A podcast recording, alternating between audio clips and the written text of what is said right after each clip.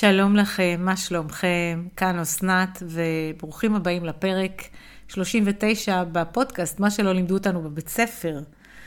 אז uh, אנחנו יודעים שהרבה זמן לא הייתי כאן.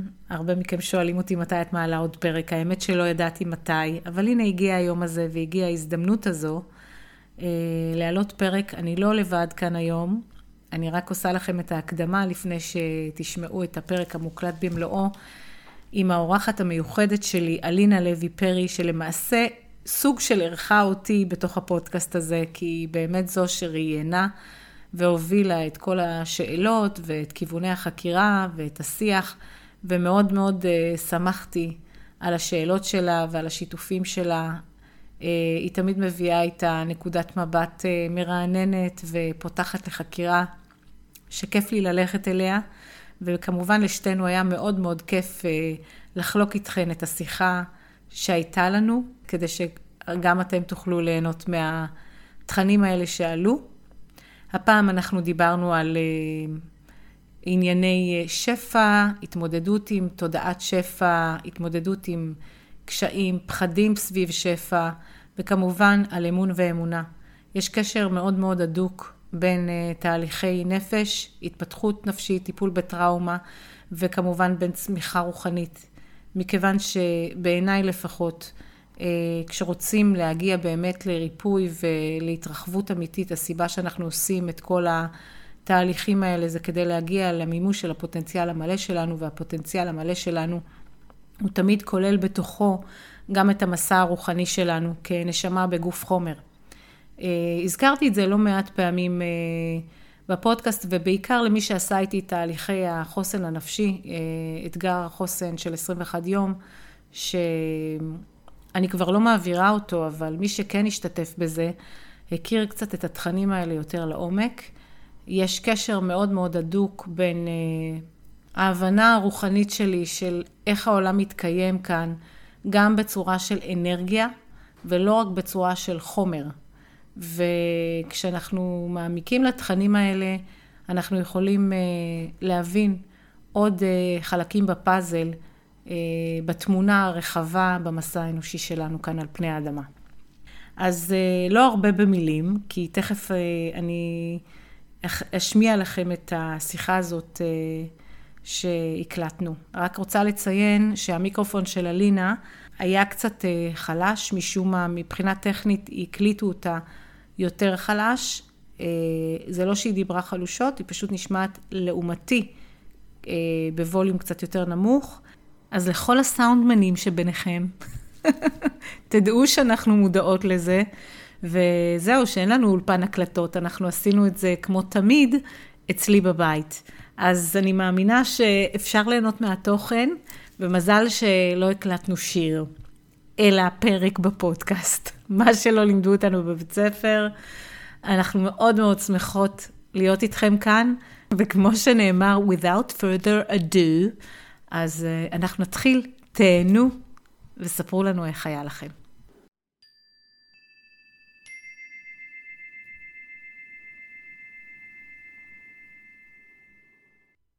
שלום לכם, כאן אסנת, ו...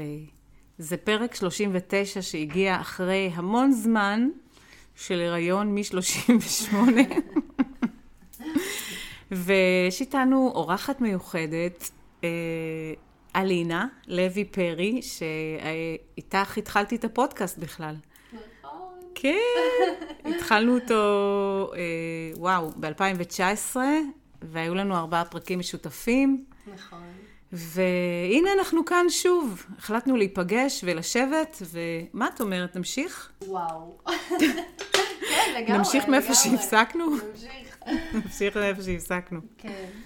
אז ברוכה הבאה לפודקאסט, מה שלא לימדו אותנו בבית ספר. גם אתם ברוכים וברוכות הבאים, הבאות. והנה אנחנו כאן, ואיזה כיף, ברוכה הבאה, ואנחנו מתחילות. וואו. אז מה העניינים? אני מרוגשת. האמת, גם אני. ממש. מלא זמן לא עשינו כזה משהו משותף. נכון. אבל הנה, אנחנו כאן. ומה שלומך, אלינה? וואו, זה קטע.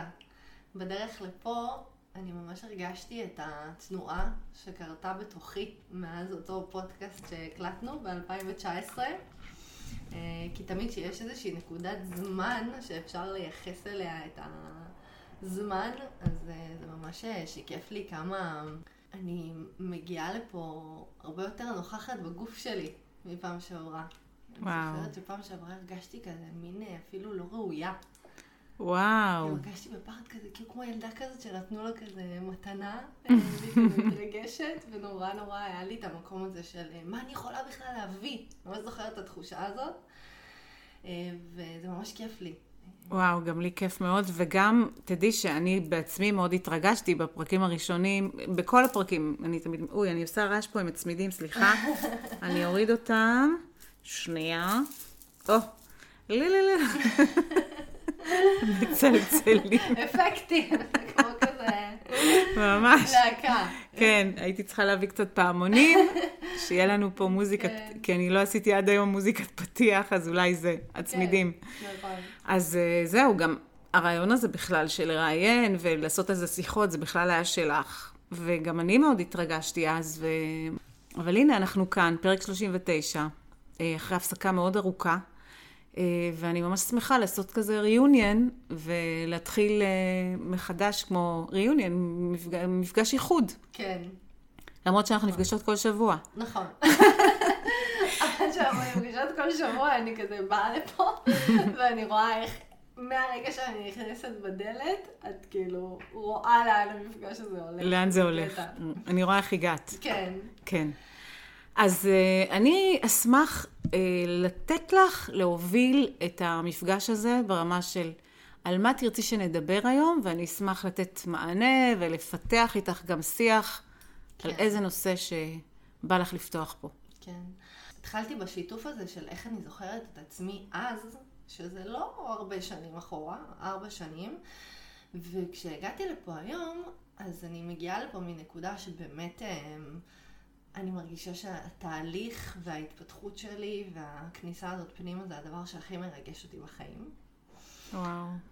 וכשאני פתאום נכנסת לדבר על זה, ישר עולה לי הקול הזה בראש של, רגע, אבל יש לך התמודדות כלכלית, ומינוס, ויש לך התפרצויות זעם, ויש לך אה, שינויי מצב רוח, אז על מה תבואי כאילו לדבר בפודקאסט? כאילו, זה פתאום תחושה כזאת של רגע. אה, מה קרה מאז? ואנחנו שומעים גם את נפו, נפו חופר, רגע, נפו. לולי. אתה, אני יודעת שאתה אוהב להשתתף, כל פעם שמתחילים פרק אז אתה מתחיל להנכיח את עצמך, אבל פה אלינה מדברת על דברים ממש חשובים. אבקש ממך. פסיק. נעשה רגע פאוזה.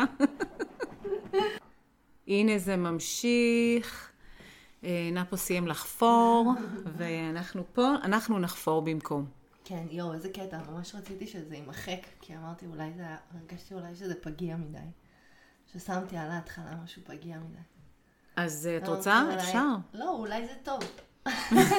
אולי לא צריך להימחק ודווקא צריך להתייחס לזה. נתייחס לזה. אז כן. בואי נמשיך מאיפה שהיינו. הם איתנו לגמרי בזמן אמת, ללא עריכה. כן. איזה כיף זה, אבל. נכון. לשחרר, כאילו, די, די עם ההצגות, די. זה לא הצגות, אבל זה כיסויים, וזה לייצא, זה כאילו הפרדות, ואנחנו כולנו עושים את זה בתכלס, כולנו עושים את זה. אז uh, הנה, יפה, הוא מרגיש מתי לוחצים על אה, רקורד. איזה קטע, אשכרה. זהו, סיים לחפור, והחפירות עוברות אלינו. עכשיו תורנו. מעולה. כן. אז uh, את אומרת שבעצם מאז עברו ארבע שנים, נכון. ואת מרגישה שבעצם עדיין ההתמודדות עם אותם דברים, מה יותר, מה פחות. כן, אני מרגישה שיש אה, מרחב הרבה יותר אה, מאפשר לפגוש את כל החלקים האלה, כן. והרבה פחות כעס וביקורת כלפי החלקים האלה, אבל אז כשיש את המקום הזה של אה, לדבר על התהליכים, אז באמת יש לי תחושה של לשתף בחלקים האלה זה חלש, או כאילו, רגע, אחרי כל התהליכים האלה, ומה, כאילו לא... זה גם לא בא לידי ביטוי בחיים החומריים שלך? כן, ומה זה אומר בחיים החומריים שלך? זה אומר שיש בי חלק שמתבייש, אה, שאני מרגישה מאוד, אה, אני אשתמש במילה עשירה, Mm-hmm. במסעות הרגשיים שלי, Mm-hmm. ובהנאה שלי מהעולם הפנימי שלי ומהמשפחה שלי ומהמקומות היותר פנימיים. שיש בעצם שפע במקומות האלה. כן, שפע. אה, ושפתאום זה בא לידי ביטוי בעולם בחוץ, אז יש משהו שנורא, אני מרגישה מבוישת בהתמודדות הכלכלית, שכן אה, יש מדי פעם את ההתמודדות הזאת של רגע, מה, מה עושים עכשיו? יש לי כל הזמן את הפער הזה שבין לנתב את האנרגיה שלי רק לעולם הפנימי, Mm-hmm. ואז פתאום גם העולם בחוץ כזה נוחת עליי, וזה תמיד מרגיש לי שכאילו, אפילו אמרתי לך את זה באחד המפגשים שלנו, שזה כבר לפעמים מרגיש לי, מה, עוד פעם אני מדברת על זה? זה לא הגיוני, כאילו, אחרי כל הזמן הזה, ועוד פעם האתגר הזה מגיע סיריאסלי, כאילו, כן. כאילו, מה, לא הבנת? אני אומרת את זה לעצמי. כן, כן, כן.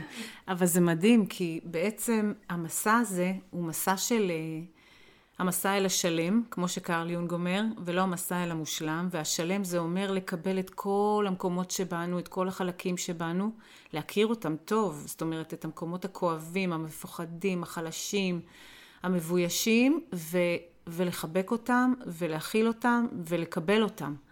וכשבא אלינו עוד אתגר כזה של אנרגיה של חושך, של פחד, של חוסר, של לא מספיק, של חוסר ערך, של אין לי, אז זה מה שמעניין, איך אני מקבלת את המקום הזה כשהוא מגיע שוב.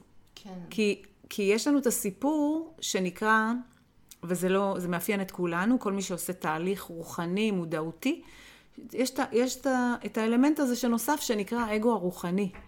האגו הרוחני אומר, בשלב הזה את כבר היית אמורה להיות במקום אחר. נכון. או האגו, הוא, הוא נורא, הוא תמיד רוצה, הא- האנרגיה של האגו, בוא נסתכל, בוא נסתכל שנייה על האגו. האגו שלנו זה לא איזה חלק שחצן, נרקסיסט, שרוצה להיות יותר טוב מכולם, למרות שיש לו ביטויים גם כאלה בעולם, אבל זה לא בעצם רק מה שמאפיין את האגו. האגו זה מין האני שהמתמודד ההישרדותי, מה שאליס מילר קוראת לו האני המזויף, אבל זה בעצם החלק הזה שהוא נוצר כמנגנון הישרדות בעולם. ולהרבה, ו, והוא כאילו מציג את עצמו כאנחנו. זה כאילו אני כזאת. אני לא הצלחתי עד עכשיו, אני לא מספיק טובה. הוא מציג את עצמו כאני. כן. אבל מי שאני, זה הישות הזו שעוברת את כל המסעות האלה ולומדת את כל המסעות האלה. האני הוא הרבה יותר, אני אכנס עכשיו קצת לאזור הוו-וו, שאנשים אה, אה, מתייחסים לזה רוחניקי, אבל זה לא רוחניקי, זו, זו המציאות הרב-ממדית בעצם, שאנחנו נשמה בגוף חומר, והנשמה היא באה מממדים הרבה יותר רחבים, אבל היא באה להתנסות כאן, אנחנו, זה אנחנו, זה הנשמה, האני האמיתי שלי, ה-real self, שבאנו לפה להתנסות בכל החוויות האלה וללמוד מהן. כן. ולנשמה יש הרפתקנות שאין לה, אה, לא, זה כן, זה לא, אוי, מה קרה, למה לא הספקת, מה, קו-" זה לא איזה, זה לא איזה מין אה, מורה כזה, נו נו נו. אה, היא הרפתקנית, היא לומדת, והיא אומרת, אוקיי, אז יש לי עוד משהו ללמוד כאן. והאגו שלנו, שהוא נורא רוצה כבר להגיע ואין לו סבלנות, והוא אומר, חיים רק פעם אחת, ואם לא עכשיו אז מתי, וכמה זמן זה כבר אמור לקחת, ואני כבר אמורה להיות במקום אחר, זאת אומרת, הוא, הוא אף פעם לא בהווה. נכון. האגו נעלם בהווה. כשאנחנו מתקיימים בביינג שלנו, אין לנו את המחשבות האלה, אין לנו את הדאגה הזאת שמתיימרת להגיד לנו מה קורה, מה יהיה. אה, מציגה את עצמה כאחריות. זה לא אחריות, זה, זה סתם חפירה לעצמנו, סתם להציק לעצמנו. ויש לכולנו את הקולות האלה, המחשבות האלה, המציקות האלה, המעליבות האלה, אנחנו מעליבים את עצמנו. והמקום הזה שאומר, את לא אמורה בשלב הזה כבר להיות במקום אחר? כן. את לא אמורה כבר לדעת? את לא אמורה להיות בתפקוד שיא? כן. וזה אנחנו תמיד, השאלה שצריכה להישאל זה, מי הדובר? מי שואל את השאלה הזאת? אם אין לנו את הפרספקטיבה הרחבה שיש בתוכנו כל כך הרבה אספקטים, שמעליהם מי שאמור לנהל, מי שאמור להחזיק את ההגה בידיים זה הקול הגבוה של הנשמה, שמתבוננת בכל החלקים המוקטנים, היותר מפות... אה, זה כאילו יש לה הרבה ילדים, ויש לה ילדה בכיתה א', וילדה בגן, ונערה מתבגרת עצבנית, ו... וחיילת משוחררת, ויש בתוכה הרבה, הרבה אספקטים. ו... ומי מנהל את כל הדבר הזה? מי מתבונן בהם ויודע איך להתנהל איתם, איך להתמודד איתם? אז תחשבי שהקול הזה אומר, אה, מה יהיה? מה, מה קורה איתי? אה, אתה, אה, מה איתך? למה לא, את לא במקום הזה שאת כבר, את כבר שנים עושה עבודה, את כבר שנים בטיפול, את כבר שנים בתהליך שלך, את כבר מטפלת בעצמך. Mm. במ, לא רק מטפלת בעצמך, אלא מטפלת במקצועך. כן. בעשייה שלך, אז איך זה יכול להיות? נכון. ובוודאי שזה יכול להיות, כי אה, כמו שאברהם היקס אומרים, you never get it done. אנחנו אף פעם לא מסיימים, כי, כי אנחנו לא עושים פה איזה פרויקט, אה, אנחנו לא סופיים, אנחנו אין סופיים. כן. ולהפוך את זה למשהו סופי, אז שוב, אני אחזור לדבר הזה, שברגע שיש לנו תלונה כלפי עצמנו, אוף, עוד פעם אני שם, זה אומר ששם העבודה שלי. כי אני נכנסת בדיוק למקום שאני מזדהה עם הקול של הקורבן הפנימי, כן. שאומר לי, הנה, אוף, עוד פעם את שם. כן. עד שזה יגיע למצב שבו יקרו אותם דברים, אותם תרחישים, והתגובה שלך תשתנה. כמו שנאמר, לא זוכרת מי אמר את זה, אולי איינשטיין אמר, שמה זה חוסר שפיות, ושוב, זה אני נכון. מדברת על כולנו, זה לעשות את אותו דבר שוב ושוב ולצפות לתוצאה שונה. אז אה, נכון. אם, אם אני חווה עוד פעם את הדבר הזה ומגיבה באותה דרך של בהלה ופחד וכעס על עצמי וביקורת עצמית, אז זה שוב יוצר את אותו דבר. נכון. למה את צוחקת? זה נכון. כאילו נורא מצחיק אותי, כאילו. אני חושבת שאני אעבור לדוגמאות יותר קונקרטיות. יאללה, לכי על זה. כי גם זה היה לי אישיו כזה ביני לבין עצמי, כי באמת זה ממש קטע שבפעם הקודמת שהגעתי, אז רק כמטופלת שכזה שואלת שאלות, אז הייתי הרבה פחות במודעות למה אני אומרת. והיה בי איזה מקום כזה של יאללה, כאילו באתי... אה... לעבור איזשהו מסע ריפוי דרך שיתוף, ופתאום היום יש לי את הקול הזה שאומר, רגע, כאילו, אני גם יודעת שאולי א', ב', ג' יאזינו לזה, ופתאום כאילו איך זה יצא, וזה בדיוק הדבר אה, לשחרר עכשיו. וואו, איזה אמיצה אמ, היה בי משהו שנגיד, אמ, בתקופה האחרונה עוד פעם צפה התמודדות כלכלית אה, בבית שלנו, לדור ולי, ו... פשוט הגענו כאלה לימים שמגיע 15 בחודש, ודור אומר לי, כאילו, אבל מה נעשה? אבל מה נעשה? ופשוט התחלתי להגיד לו, תתפלל. תתפלל, אתה לא מתפלל. אתה לא מתפלל איתי. התחלתי להגיד לו, כאילו, את יודעת, לא התחלנו להגיד, אולי ניקח פה עבודה, אולי... לא רק זה, את אומרת לו, אתה לא מתפלל, אתה לא, כן. לא מתפלל. אתה לא איתי בתהליך של לבקש מאלוהים. הוא אומר לי, נכון, נכון, אני באמת לא מבקש. ופשוט היום כזה הלכתי לישון, צהריים עם אוליבר, ולא הצלחתי להירדם מרוב מחשבות על החשבון בנק הזה ועל המקום הזה של כאילו... יש בי גם איזושהי טרנספורמציה שקורית בתוכי, שאני באמת עושה שינוי מאוד גדול בבחירות שלי של עבודה והתנהלות אה, מבחינת ביטוי שלי. כן. אה, ומתוך זה גם אמרתי לא להרבה דברים שבאמת הרגשתי שאין לי מסוגלות לעמוד מאחוריהם. ואני חושבת שגם זה הביא לידי ביטוי את ההתנהלות הכלכלית. ואז יש בי איזשהו פער שנוצר בין השינוי שקורה מבחינת בחירות בעבודה ובאנשים בחיים שלי, שזה שינוי שמבטא את הפנימיות שלי. אבל אז קיבלתי נבוט בראש בדמות חשבון הבנק שלי, ואז הקול הזה של החשבון בנק אומר, יאללה, כאילו, על מי את עובדת? בסוף החיים פה זה החומר, בסוף בחיים פה נכשלת, במרכאות. ו... באמת אין לי תשובות, ופשוט הלכתי לישון היום, ופשוט התחלתי לעשות את האופונופונו לחשבון בנק שלי. Mm. מדהים. כי פשוט לא נרדמתי. לא נרדמת. לא נרדמתי מרוב מחשבות על זה, והתחושה הזאת של כאילו, מה עושים? מה עושים? ופשוט התחלתי לעשות את האופונופונו, בגלל זה צחקתי מקודם שאמרת, כאילו, איך אתה מתייחס לזה כל פעם. כן. אבל עדיין יש בי משהו נורא חזק שמאמין שלא הייתי אחראית, או... הרבה פעמים הנושא הזה של שפע באמת עולה במפגשים שלי עם אה, מטופלים, מטופלות, ואז אני מדברת על זה ואני עושה ניקוי אנרגטי סביב המקום הזה, אבל עדיין יש בתוכי איזה חלק שמאמין של רגע, וואו, זה, זה תוכן שמעסיק גם אותי, אז אולי אין לי את הזכות להעביר אותו בכלל, אם אני לא הגעתי לתשובה מולו. זה העניין שאנחנו, המרפא במומו מרפא. זה כבר נאמר, אמרו חכמינו, המרפא במומו מרפא, כל הדברים שאני מתמודדת איתם, ואני עושה שם עבודה, ואת עושה שם עבודה, זה לא שאת מדחיקה ולא מתעסקת עם זה, מתמודדת עם זה, ולומדת ומתרגלת, וזה מה שאנחנו מעבירים הלאה, את, ה, את הכלים שאנחנו מתמודדים איתם, ואם יש משהו שעוזר באמת, בסוף, אני יכולה להגיד על עצמי, הדברים שהכי עזרו לי אה, להתקרב אליהם, זה שעזרתי לאחרים להתקרב אליהם. Mm. זאת אומרת, יש משהו ב... שאנחנו גם עוזרים לאחרים ונותנים לאחרים אה, את, ה... את מה שידוע לנו, חולקים איתם את המסע הזה, אז, אז את, ברגע שאת נותנת, את עוזרת לעוד בן אדם, זה גם חוזר אלייך. זאת אומרת, כמו המתפלל על חברו נענה קודם.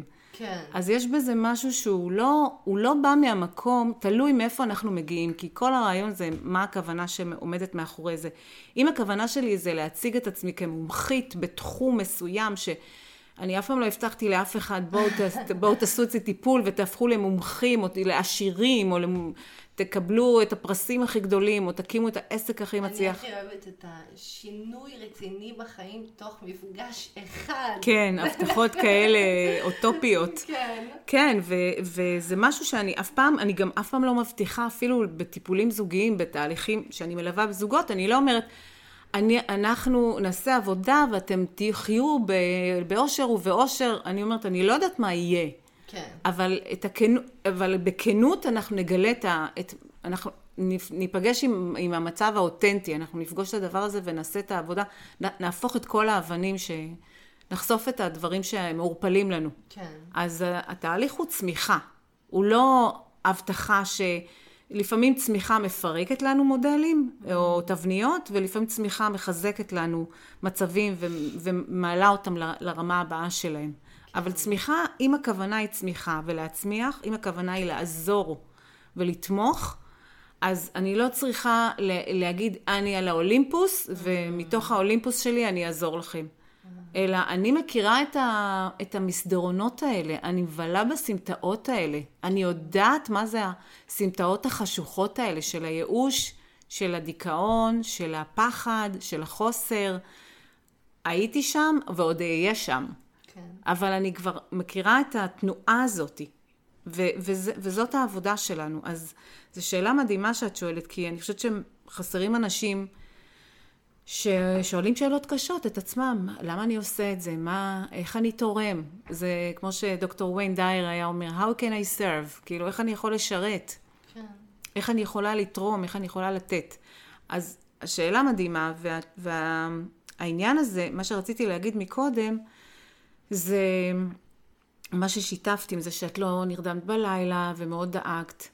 ו- ואת, וגם אפילו עלה כעס, כאילו האם ניהלתי נכון את העניינים הכספיים שלי, האם עשיתי נכון את הפעולות האלה.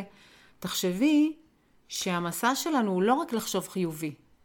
המסע שלנו גם להרגיש רגשות כואבים של וואו, נשבר לי הלב, או אני כל כך פוחדת, ואני צריכה להסכים להרגיש את הפחד בגוף. להסכים לעבור דרכו, להסכים לתת לזה לפרק אותי, להסכים, כי מה זה מפרק בסופו של דבר? זה מפרק את האגו. כן. זה, זה מות האגו. כל פעם שאנחנו מסכימים להרגיש רגש, אבל בגוף, לא בסיפור. להרגיש את זה בגוף, איך הגוף שלי שוקע לתוך תחושה של ייאוש ופחד וחוסר אמון וכישלון וחוסר ערך ואיפה זה בגוף ואיפה זה מרגיש בגוף. זה דורש אומץ. להסכים רגע להיות עם התחושה, עם הגוף, ולעזוב את הסיפור ובטח את הנבואות, מה הולך להיות ואת ההסתברות, מה, סטטיסטיקה והסתברות על החיים שלי, אז מה יקרה אם ככה ומה יקרה ככה. וואי, עולות לי שתי נקודות. אוקיי. כן. המשפט הראשון שעלה לי זה שזה ממש מציף לאפשר את מות האגו, כשאני יוצאת לעולם ואני פוגשת רק אגו, ואז זה מרגיש, רגע, אולי, אולי לא, אולי כאילו זאת לא הדרך, לא משנה כמה פעמים אני פוגשת את זה ויודעת שזאת הדרך. יש משהו ביציאה לעולם שכל פעם נורא מערער לי את האנרגיה הזאת בתוכי ומפגיש אותי עם תחושת הכישלון.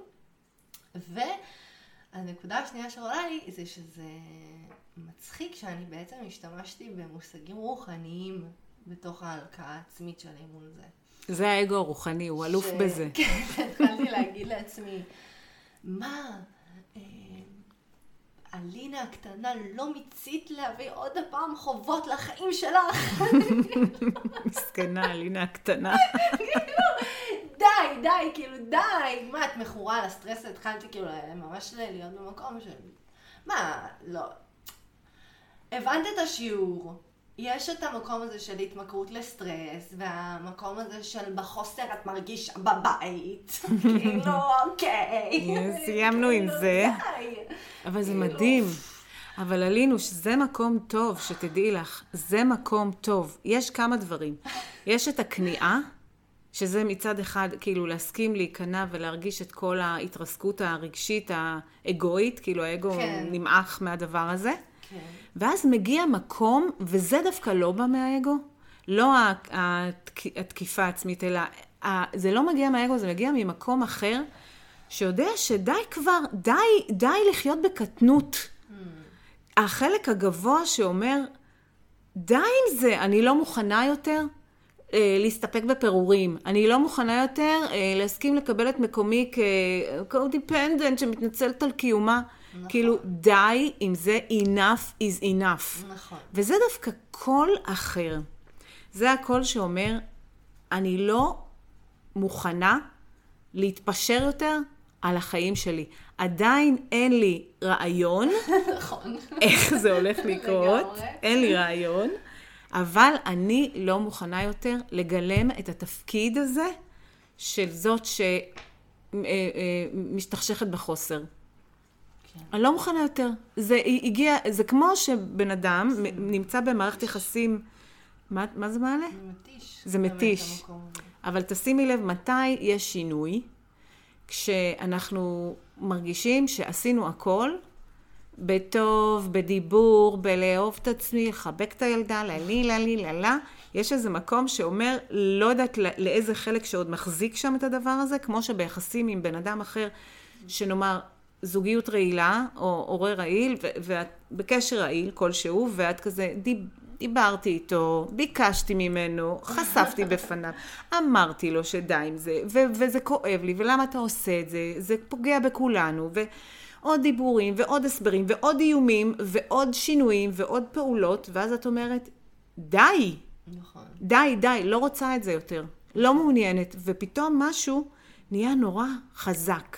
זה יכול להיות כמו עבודה שנמצאים עם בוס שהוא לא הכי שפוי, ב- ב- ב- בלשון המעטה, בן אדם רעיל או תוקפני או מקטין, ובאיזשהו שלב את, את כל הזמן אומרת, כן, אני צריכה את העבודה הזאת, מה אני אעשה? אני צריכה זה, אני צריכה... אין לי ברירה, אין לי משהו אחר, ואז פתאום יש איזה קול כזה של נמר שמתעורר ואומר, די כבר, די. אני לא מוכנה יותר, לא רוצה יותר לגלם את התפקיד הזה. אני לא רוצה לעבוד יותר עם אנשים כאלה, לא מעניין אותי, לא רוצה את זה יותר. ויש את הקול הזה, שהוא לפעמים יוצא אל מול היקום ואומר, די, אני לא מוכנה יותר להיות אלינה הקטנה שמרגישה בנוח בתוך החוסר הזה, וכל פעם מפחדת, ודי, לא רוצה את זה יותר. אני, מה שאת אומרת זה מדהים. הזכרת לי שגם אני, הרי אני עברתי המון המון המון תקופות כאלה בחיים שלי, כל מי שהיה פעם שחקן מכיר את זה. גם זה מעצבן, כי את קוראת כזה שיתופים כל פעם על נגיד התמודדויות כלכליות, או אנשים שמדברים על זה, תמיד מדברים על זה בדיעבד. כן. או נגיד שיתוף של הפעם הראשונה שנכנסתי למינוס בחיים שלי ויצאתי ממנו, ואז כל פעם כאילו מדברים על המקומות האלה רק מהמקום של הניצחון. כן. על זה, ואז זה כאילו משאיר אותי ב... וואי, אבל אני כאילו מתבוססת שם שנים. כן, ואיך עשית את זה? תספרי מה קרה בדרך. לפעמים גם שוכחים, שתדעי לך, עכשיו שאמרת את זה, הזכרת לי משהו שאני, לא עלה לי אפילו לשתף את זה פה, אבל הזכרת לי שאני זוכרת שהייתי בתקופה, היא גרה בתל אביב עם שותפה. שש שנים כבר גרתי איתה, זו חברה מאוד טובה שלי, זה לא... היה לי כיף, אבל די, מספיק. חמודה, די. ומשכורת כאילו בקושי מגרדת את השכר דירה וההוצאות הרגילות. ואני זוכרת שבדיוק ירדה הצגה שהשתתפתי בה, הצגת ילדים, וזהו, לא הייתה לי הכנסה. וואי. ולא לא ידעתי מאיפה אני, איך אני הולכת לשלם את השכר דירה של החודש הבא. ודיברתי עם הבעל בית שלי, והוא אמר לי, בסדר, אה, בעל הדירה, כאילו, אה, החודש הזה אנחנו, אה, את יכולה לשלם לי בתשלומים בהמשך על החודש הזה, אני אתן לך הערכה. אוקיי, הייתה איזו הקלה, ואז חברה שלי הציעה לי, היא עבדה בהייטק, היא אמרה לי, בואי תעבדי, יש פה, צריכים פה מישהי שעושה סקר טלפונים. מצאתם לכם. ושלושה ימים עבדתי שם. ברמה של, כאילו, כמו רובוט. את מתקשרת לאנשים, עושה סקרים, ממלא טפסים. אותו סקר, אותו סקר, לא מעניין, לא מעניין, סליחה קשה, אני לא יכולה, אני, זה, זה יותר גרוע מסמולטוק, שגם את זה אני לא אוהבת. כן. ואני זוכרת שהייתי חוזרת הביתה ואומרת, יואו, מה אני אעשה? אבל אני חייבת הכסף. וביום השלי, וכל יום הייתי באה ובוכה, בוכה את נשמתי, וקמה בבוקר, ועוד פעם הולכת לעבודה הזאת, ואומרת, אין מה לעשות, אני צריכה לשלם את השכר דירה. Mm. ואחרי ארבעה ימים, ביום הרביעי, אני חוזרת הביתה, ואני אומרת, אני לא יכולה יותר. אני לא יכולה יותר. ואז התחלתי לדבר עם אלוהים, ואמרתי לו, תקשיב, תקשיב. אני לא יודעת למה הבאת אותי עם היכולות האלה, הכישורים האלה, הדברים האלה, הרצונות, החלומות. אבל uh, זה לא עובד לי, לא עובד לי הדבר הזה להסתדר ולעבוד בעבודה שאני ממש שונאת. זה לא עבודה ניטרלית שאת אומרת, בסדר, נחמד לי, סבבה, כן. זה לא עבודת חיי, אבל אני בסדר שם, כן. בינתיים. לא, זה היה סיוט. ואמרתי, אני זוכרת שבכיתי, הלכתי לים, היה חורף, ירד עליי גשם, ממש דרמטית. ירד עליי גשם, בכיתי, ואז אני אומרת לו, אתה רוצה להרוג אותי? תהרוג אותי. אני לא מוכנה לעבוד יותר בעבודות האלה. אתה רוצה שאני אהיה הומלסית ואני אמות מרעב? אני אמות מרעב, אני לא הולכת לעבוד יותר בעבודות האלה. כן. ואני זוכרת שהייתי נחושה, שיאללה, אז זה היה על החיים ועל המוות. היה בי משהו כזה, די, מספיק. כן. ואז משהו, אני, אני, אני לא זוכרת, אני זוכרת שזה היה הכסח האחרון שלי בנושא הזה עם אלוהים. Mm. אה, התחילו, התחילו להיות... תנועות כאלה של עבודה שנכנסה, שכבר הייתה יותר מעניינת, וזה לא היה עבודת חיי שוב, אבל היה לי יותר נחמד, ואנשים היו נחמדים, ונהניתי לבוא לעבודה, והרווחתי יפה, ודבר הוביל לדבר הוביל לדבר הוביל לדבר, ופיתחתי, התחלתי ללמוד, ואת מה שאני אוהבת, מה שאני עושה היום. וזה דברים שהובילו, שפתאום ההרגשה הזאת שעולים על הנתיב. אבל זה מעניין מה שאת אומרת, כי זה מעלה את מערכת היחסים עם אלוהים. כן. כי אז אני אומרת, בואנה, היו לי איתו מלא שיחות כאלה. כאילו, אבל היו דברים ש... נכון, נכון, נכון. אי אפשר להגיד ש... של הקול הזה, שכאילו, מחפש את התוצאה, ואז אתה כן. משליך את זה על המערכת יחסים עם אלוהים. כן. וזה... זה... אני חושבת שזה מעלה בי את ה... מקודם שאמרת, זה מתקשר לי למשפט שאמרת, התהליך הוא צמיחה. הוא לא הגעה לנקודה מסוימת. כן. והיה בי משהו כזה בפנים שאמר, בואנה, כאילו, איזה לא סקסי, צמיחה? מה זה צמיחה? צמיחה. כאילו, אני צומחת, אני צומחת ואני בצמיחה, אבל את יודעת, זה גם במקומות בי שכאילו אומרים, אני לא...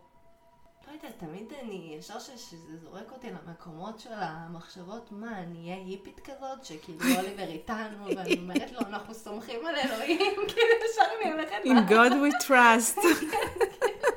זה לוקח אותי למקומות האחרים, ואז כאילו... נהיה לי איזה בליל של מחשבות בראש, שכל האנרגיה הולכת לשם, ו... כמו שאומרים, אבד עליי הקלח. כאילו זהו, נגמרתי ונרדמתי בתוך ה... בתוך, יש גם רגעים בשיחות עם אלוהים, שאת מרגישה שאת מחוברת לשיחה עם אלוהים. כן. ויש רגעים שזה כזה, היי אלוהים, מה קורה? אנחנו צריכים עזרה. נרדמת, ואת לא מרגישה שכאילו הגעת אליו? לא. אמרו לך, אה, מספרך בתור, 202, כן. ואז את נרדמת. כן, נרדמתי, ואז אני קמה ואני כזה, מעניין, זאת הייתה שיחה טובה או לא שיחה טובה? הוא שמע שלא." אותי, הוא גם ישן, אלוהים אתה ער. כן, תשמעי, זה לא תמיד מרגיש, אבל גם החיבור הזה שאת מדברת עליו, זה, זה באמת נכון, כי אני, אכניס, אני מכניסה פה כל מיני דברים מהיהדות, אבל שוב, זה לא מהדת. אה, את יודעת שאני לא דתייה, וגם את לא. אה, אני דווקא את- מתחזקת. את מתחזקת, נכון, אני מסכימה. נכון, את מתחזקת. אבל אה, מה שאני רוצה להגיד, זה, זה לא ניסיון עכשיו להחזיר בתשובה אף אחד, כן. אבל אנחנו כן משתפות מהמסע, ואני מאמינה בכל גם ליבי. יש משהו מאוד רוחני ביהדות. נכון. מעבר ל... ברור, ברור, בכל הדתות יש משהו כן. רוחני, בכל הדתות, ואם לוקחים משם את האלמנטים הרוחניים, הפיור, הטהורים, כן. אז אפשר למצוא את זה בכל הדתות, ובכל הפילוסופיות הרוחניות, הם כולם אומרים אותו דבר. כן, פשוט אנחנו מדברות מתוך היהדות, כי זה ההיכרות הקרובה. כן. אה, אבל גם רבי נחמן מברסלב היה מדבר על זה של ההתבודדות עם אלוהים. וההתבודדות זה בעצם מין תרגול כמו מדיטציה, שאנחנו צריכים כאילו להגיע למקום שאנחנו לא מדברים איתו מהשכל. אה, קרולן מייס מדברת על זה, היא אומרת, הרבה תפילות שבאו כאילו מהסידור, מהתפילות, אז זה כזה, היא קוראת לזה Give me, give me prayers. נכון. תן לי את זה, ת, היא אומרת, אלוהים, where is my stuff? כן. איפה הדברים שהזמנתי ממך? אמזון, אלוהים? נכון, נכון. זה, זה, כן, זה כאילו, אה, הוא לא עובד אצלנו, אבל זה גם לא הישות הזאת שאנחנו תופסים אותה כאיזה מישהו עם זקן, ואתה היית טוב, אתה תקבל, אתה היית לא טוב, אתה לא תקבל, דבר אליי יפה. הלו, אל תצעקי עליי באמצע הלילה, בחורף. אה, זה, לא- אין לי עצבים לשטויות שלך. נכון. זה לא, זה לא האלוהים הזה. כשאנחנו פונים לאלוהים, end, בסופו של יום, אנחנו פונים לאלוהי שבתוכנו, לחלק הזה שבא לפה, שמחובר לאלוהות, שהוא כמו שגריר פה, ו, ואנחנו הרבה פעמים שוכחים ממנו, שוכחים מזה שזה מי שאנחנו, זה המהות שלנו, ואנחנו הופכים להיות האני הקטן, זה המסכן, הפקיד, זה שמנסה להרוויח כסף ולסגור את החודש, ושלא יכעסו עליו שיהיה מוצלח, שיתלבש יפה. בדיוק, מתלבש יפה, שלא עושה פדיחות, כן, שעושה רושם טוב. כן, שמחייך. בדיוק. ממש. כן, אז המ- המקום הזה, זה לא באמת האלוהים שהיינו רוצים לפנות אליו, כי זה המצב, בוא נקרא לזה, זה, יש, יש רוחניות בכמה, ב, ב, בהרבה דרגות, אז כאילו יש את הדרגה הילדותית, נכון. שהיא פונה לאלוהים כמו איזה ילד שפונה להורה. הנה, הוא פה איתנו, אלוהים עכשיו. שמעת? שמעת? כן. מה אתה אומר? לפתוח לך מיקרופון? סליחה שאני עוצרת אותך. לא, זה מצוין. זה מעולה. זה כמו ילד שפונה להורה שלו ואומר לו, אני רוצה, אה, איך קוראים ל ga- ל gaming, לאיזה משחק מחשב, אה, פלייסטיישן. משהו כזה, כן, חדש, פלייסטיישן חדש. כן. כאילו, אני, למה אתה לא קונה לי? לא, אני רוצה מחשב של גיימרים, אני כן. רוצה זה, אני רוצה זה. איפה המחשב שלי? אתה לא אוהב אותי. אם אתה לא מביא לי את זה, אז איפה אתה? אז אתה לא רואה אותי ואתה לא אוהב אותי. וזו התעסקות עם, עם דמות שהיא בעצם ילדותית. נכון. שהיא לא באה, היא לא באה מה... היא, באה מהתפיסה הילדותית שלנו, מה זה אלוהים. כן. אבל אלוהים הוא בתוכנו, וזה, אומר שאנחנו, אם, הבור, אם הבורא הוא בתוכנו, הבריאה היא בתוכנו, האלוהות היא בתוכנו, אז בנו יש את הכוח הזה לברוא מציאות. וואו. לנו יש את הכוח הזה לברוא מציאות, וזה כאילו חלק אחד בי, החלק, ה, ה, זה, האחד בי שאומר לחלק הקטן, אתה לא יושב על ההגה יותר, אני נמאס לי ממך, די עם זה. אני קורא לכוח הבריאה שבי, ליצור מציאות אחרת. אני לא רוצה יותר לשחק את המשחק הזה. אני לא רוצה את התפקיד הזה יותר, אני יוצאת מההפקה הזאת. לא בא לי יותר על הליהוק הזה. כן. והמקום הזה שאומר, לא בא לי על הליהוק הזה, הוא אומר את זה לבמאי. הבמאי הוא גם אני, והתסריטאי הוא גם אני. כן. זאת אומרת, אנחנו אלה ש... אבל אנחנו שוכחים, כשאנחנו בקטנות שלנו, כמו שבקבלה קוראים לזה מוחין דקטנות, ויש מוחין דגדלות. אז כשאנחנו נמצאים במוחין, ואנחנו כל הזמן נעים בין זה לזה, זה נקרא רצו כן. ושוב. אנחנו כל הזמן מטלטלים, קוראים לזה בניו אייג' ממד שלוש, ממד חמש. אז ממד שלוש זה הממד החומרי. זה מעניין שאת אה, נותנת לזה את הכמה שמות שקיימים שכל אחד ש... כל שם מייצר התנגדות למישהו אחר. למישהו אחר. מעולמות אחרים, ואז את אומרת, רגע, יש כמה מושגים שמתארים את השורש ואת המהות הזאת. נכון, זה אותו דבר, או כמו ההורה הפנימי, כן. והילד, הילד הפנימי. אז אם הילד הפנימי הוא נוהג, אז הילד הפנימי כועס על עצמו שהוא לא מצליח, אבל אם ההורה הפנימי מסתכל על הדבר הזה ואומר לילד, זה בסדר, זה בסדר שאתה ככה, זה בסדר שאתה מרגיש ככה, לא להתייאש. כן. דבר איתי, תפרוק, תגיד, אני מרגיש ככה, אני מרגיש לא מספיק טוב, אני מרגיש שלא רואים אותי, אני, מספיק, אני עושה הכל. היל, הרי ילדים יש להם את הקטע של הקורבנות, וזה בסדר, כאילו, כן. אנחנו נכנסים, זה מצב, בוא נקרא לזה, זה מצב ילדותי שכולנו לוקים בו במצבים מסוימים, נורא קל לקרוס לתוך קורבנות ולהגיד, זה לא פייר, זה לא פייר. אני כבר, זה לא פייר, למה הם כן ואני לא? למה, למה דווקא לי? למה דווקא לי זה קורה? כן. כי הקורבנות היא אף פעם לא לוקחת 100% אחריות. נכון. קורבנות זה כאילו, יש מישהו שאחראי על זה, וזה לא אני. כן. עכשיו, לפעמים כשאנחנו במצב הקורבני הזה, בתור ילדים למשל, אז באמת מישהו יכול לקחת עלינו אחריות. ויש כאלה שממשיכים את זה, משחזרים את זה, למשל במערכות יחסים שלהם, הם יכולים לייצר מצב שלמשל, את לא מצליחה לקיים את עצמך באופן עצמאי, אבל הבן זוג שלך הוא עשיר. כן. והוא הוא הדאדי. לא אומרת שוגר דאדי, יכול להיות שאת מאוד אוהבת אותו ושהוא מאוד אוהב אותך, אבל עדיין יש שם תלות, זאת אומרת, כן. לבד.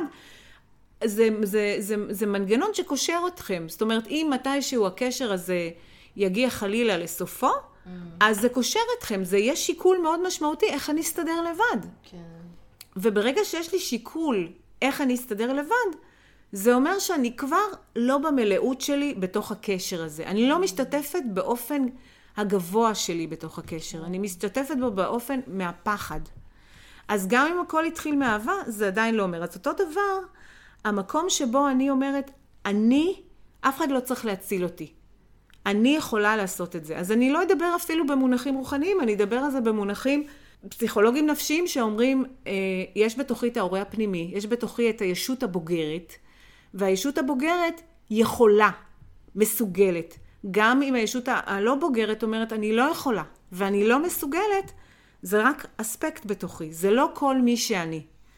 אז זה לא משנה איך תסתכלי על זה באיזה שפה, זה תמיד חוזר לאותו מקום.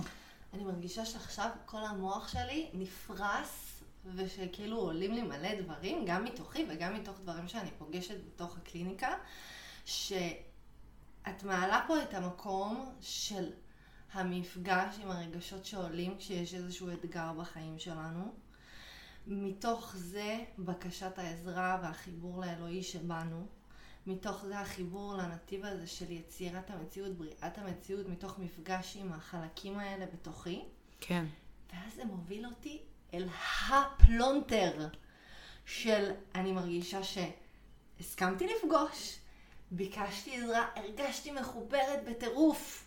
הרגשתי את כל התודעה שלי נפתחת ואת האלוהי, ואז בום, זה שוב הגיע. ואז זה המקום שבו שמלקה את עצמי. אה, הנה, את לא יודעת לברוא מציאות, את לא מספיק מחוברת.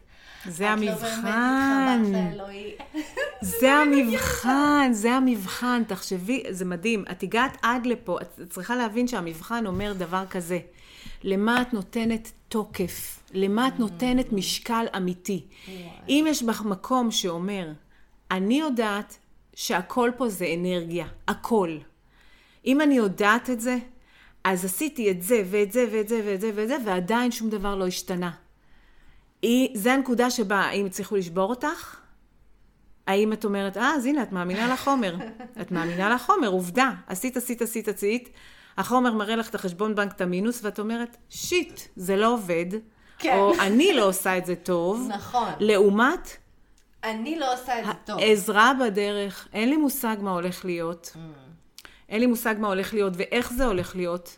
אני יודעת, זה המקום, להפ... זה האמון והאמונה שאני נבחנת עליה. האמון והאמונה זה הדבר הכי משמעותי. ש... שוב, אני לא אומרת רק אמונה, אני מדברת על אמון, לתת אמון בחיים. לתת אמון שאף אחד לא שכח אותי. לתת אמון שאני ראויה. לתת אמון שהחיים הם בעדי, אני לא קורבן של החיים.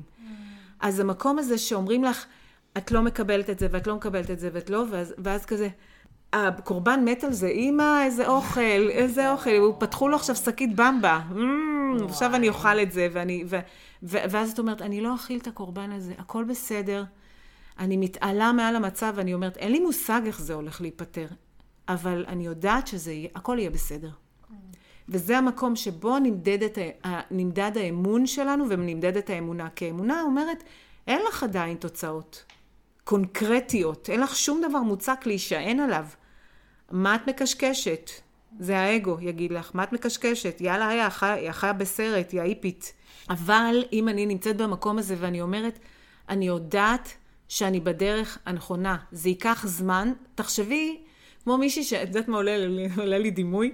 של מישהי שיש לה שיער בלונדיני, והיא רוצה להפסיק לצבוע לבלונד. והיא מגדלת. ואז זה נראה כזה חצי שורשים שחורים, וחצי מהשיער של הבלונד, וממשיך לגדול, וקוראים חצי חצי, והיא אומרת, אני לא רוצה. אז אומרים לה, מה, זה נראה לא טוב. אני יודעת ממש ש... מתארת אותי עכשיו. באמת? זה ממש המצב שלי עכשיו. אין לך שיער שחור, הגזמת. לא, אבל זה כאילו השיער שלי כזה אה, את לא צבעת? וזה חצי חצי אה, כזה, זה בול. טוב, אני לא זו רואה, כי הכל. בהיר. אבל- תחשבי שזה זה גדל, כן. ולוקח לו זמן נכון.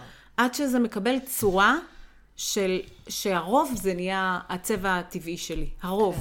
לוקח לו זמן, בהתחלה זה, זה הרוב בלונד, שורשים, ואת אומרת, וואי, איך תמיד אנשים אומרים, נשברתי. נכון. הם נשברים והם צובעים עוד פעם, ו- וזאת שאמרה, אני לא צובעת יותר את השיער. הנה עוד פעם צבע, כי היא לא עמדה בזמן ביניים הזה, שזה לא לפה ולא לפה. נכון, וואי.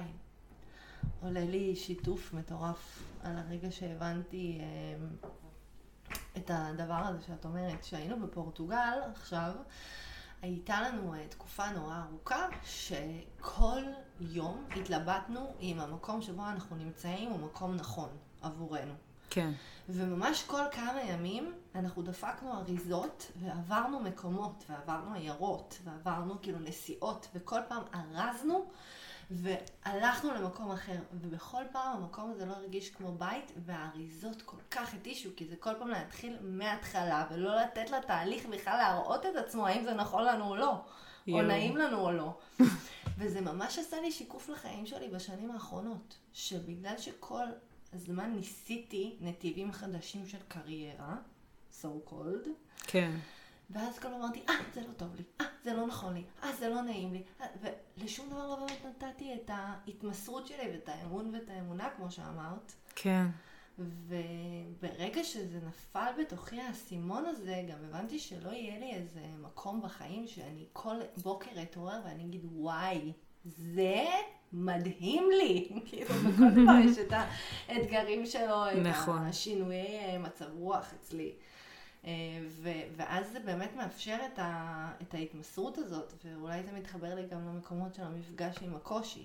כן, להישאר. להישאר ולא להתייאש. כן. זה כמו שאת בונה עסק, את פותחת מסעדה, כן. וזה לא, אין, מי שפותח מסעדה יודע, לא יהיו לך הכנסות בהתחלה, יהיו לך רק הוצאות. וואו. ואנשים שהם זורעים, זה, זה, זה כאילו מה שתזרע תקצור, ככה אומרים על המוח שלנו. אז תחשבי שאת עדיין אוספת את, ה, את הביקורים, לא ביקורים, את היבול כן. של שנה שעברה, של לפני שנתיים, של לפני שלוש שנים. וואו. ואת עדיין, בואי נה, זה עדיין ממשיך מ- משנה שעברה. וזה, ואת אומרת, אבל מה, אבל אני זרעתי ואני השקיתי ואני פה. כן, זה לוקח זמן, זה לוקח זמן, ומה ש... במה אנחנו נמדדים, לא במת... זה לא יקרה שוב, הילדותיות שלנו זה, כן. סליחה, אני עשיתי, אני זה, ואז תארי לך, היקום היה עונה לנו, יוצאת בת קול ואומרת, סליחה, את עושה את זה כל כך הרבה שנים, את החוסר, מה את מצפה, שתעשי איזה shift קטן או shift גדול, והכל ישתנה בן לילה? כן. את תצטרכי, ייקח זמן למערכת שלך אה, לראות את הפירות האלה. את לא תראי בהתחלה פירות. גם, גם מי ש...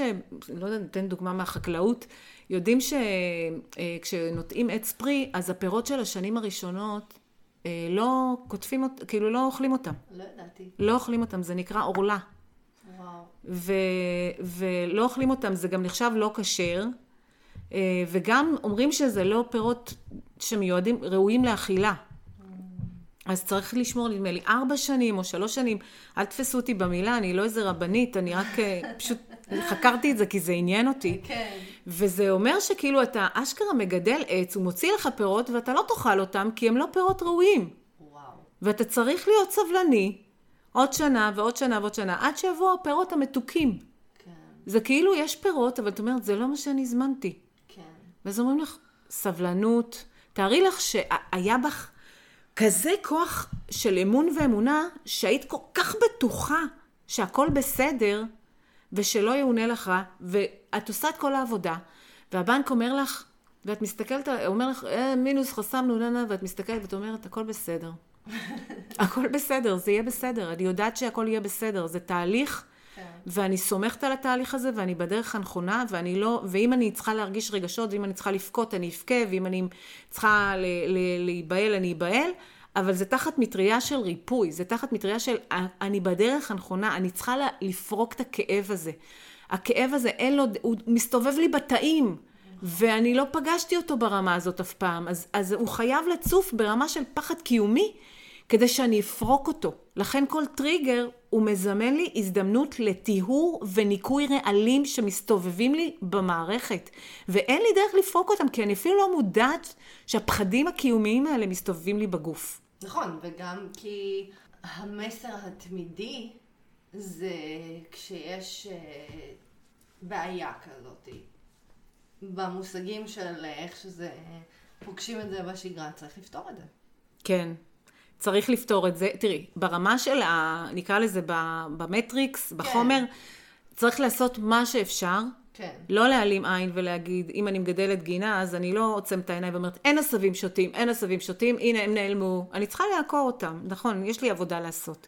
שזה עבודה רגשית שאת אומרת. זה גם עבודה רגשית, וזה גם עבודה טכנית של, כמו שאני התקשרתי לבעל הבית שלי ואמרתי לו, תשמע, נגמרה לי ההפקה, אין לי הכנסה, מה אתה אומר שאני אעזוב, כי אני לא רואה איך אני משלם את החודש הקרוב, האם אתה יכול לתת לי הערכה בזמן, האם אפשר לחלק את זה לתשלומים, בלה בלה בלה, הוא, הוא בא לקראתי. הייתי צריכה לעשות, תארי לך שהייתי, לא הייתי עושה כלום. כן. גם מצאתי עבודה שנתנה לי קצת אוויר. Mm-hmm. לא משנה שהחזקתי שם ארבעה ימים, אבל היו עבודות אחרות אחריה שנתנו לי אוויר, וזה לא היה עבודת חיי, ממש לא. כן. כאילו, ידעתי שאני, יש לי עוד דרך לעשות. וזה דורש מאיתנו, וואי, שכחתי את המילה הזאת, צניעות וענווה. לדעת שנכון שעשיתי כל מה שאני יודעת שאני יכולה, כל מה שאני ידוע לי שאפשר לעשות, כן. אבל אני לא יודעת הכל. וואי. ואני צריכה להסכים להיות בענווה, להגיד, זה מה שאני צריכה לעבור עכשיו. זה מה שאני צריכה לעבור עכשיו. יש לזה סיבה שאני עוברת את זה עכשיו. ואני מסכימה לסמוך על ההדרכה הגבוהה שמעבירה אותי, כי אני עשיתי, אני, מריאן וויליאמסון מדברת, אז אני זורקת פה שמות, לכו תחפשו אחרי זה את הספרים שלהם. מריאן וויליאמסון מדברת, יש לה ספר מדהים שנקרא בחזרה לאהבה, שמבוסס על אה, ספר, סוג של תנ"ך כזה, רוחני, פסיכולוגי, שנקרא הקורס בניסים. ומריאן וויליאמסון שאלו אותה, רגע, רגע, אני לא מבינה, אז אני אמורה רק להתפלל, וכאילו להתפלל, להתפלל ויקרה הנס? אז היא אומרת, לא, למשל אם אתה צריך ללכת לתפוס אוטובוס שעוד חמש דקות יוצא מהתחנה, וצריך בספק אם תצליח להגיע בזמן ולתפוס את האוטובוס. מה תעשה? שואלים אותה, מה תעשה? אז היא אומרת, תתפללו ותרוצו בכל הכוח. זה לא או-או.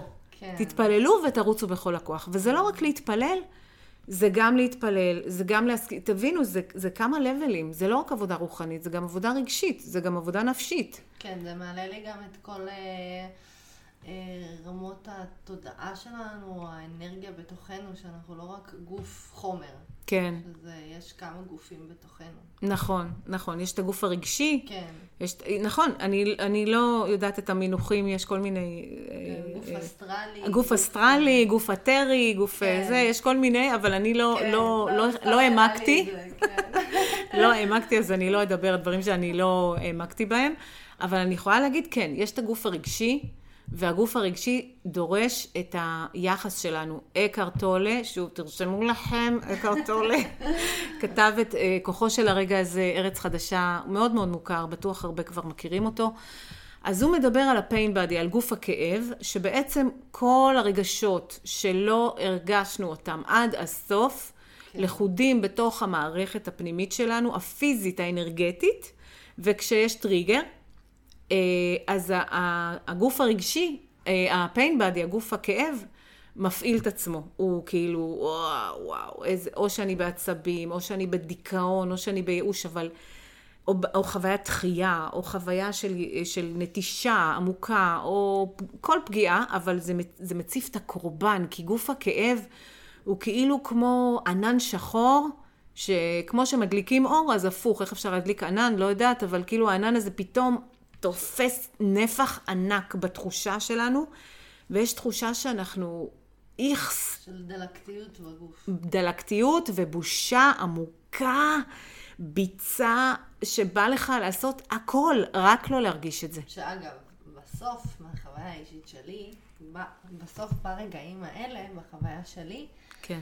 יוצא ממני הכי תוקפנות, הכי איזושהי אמ, אפילו שחצנות מסוימת, מאבק עם החיים של אני צודקת ואתם לא. זה כן. לא יוצא החוצה בדמות מסכנה דווקא. כן. אלא הפוך, כאילו זה הולך אצלי לתקיפה בכל הכוח, ואז... כאילו, זה הולך אני לפייט. יוצאת אה, מפסידה. כן, אבל, זה אה, הולך ל fight. זה הולך ל fight, זה עם fight, flight, freeze, fawn, אז מנגנוני הישרדות זה הולך ל fight. כן. ויש את ה freeze, שפתאום בקיפאון, מה אני אעשה? אני אבודה, אני מפחדת, אני לא יודעת מה יהיה, לא יודעת מה. וזה, וזה מה שאמרת כאילו על דור, כשדור שאמרת לו, אתה לא מתפלל, הוא בקיפאון. הוא נכנס לקיפאון. אמרתי לו, נו, התפללת? הוא אמר לי, כן. אמרתי לו, מה אמרת לו? תחקרת אותו. זה אישי, אלינה. אז הוא אמר לי, לא יודע, דיברתי איתו כמו חבר. איזה חמוד. זה ממש מצחיק. איזה חמוד, זה ממש ככה, לדבר כמו חבר.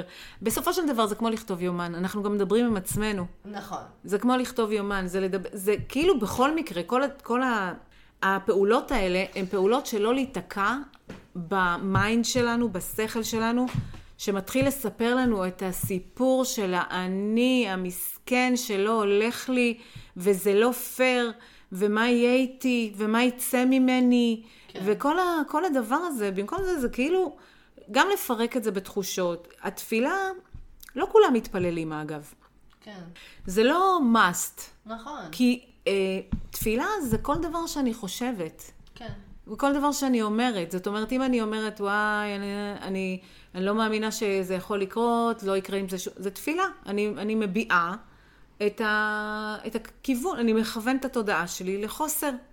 לכן, הטריקיות ש, של יצירת מציאות, של מניפסטיישן, של תודעת שפע, זה שאנחנו עושים עבודה, עושים מדיטציות, כותבים, נכון. אה, אומרים הצהרות חיוביות, כל הדברים האלה, ואז קורה משהו, ואז קורה שלשול על הראש. ואז, ואז אומרים לך, חמודה, את לא איפה שאת חושבת שאת. נכון.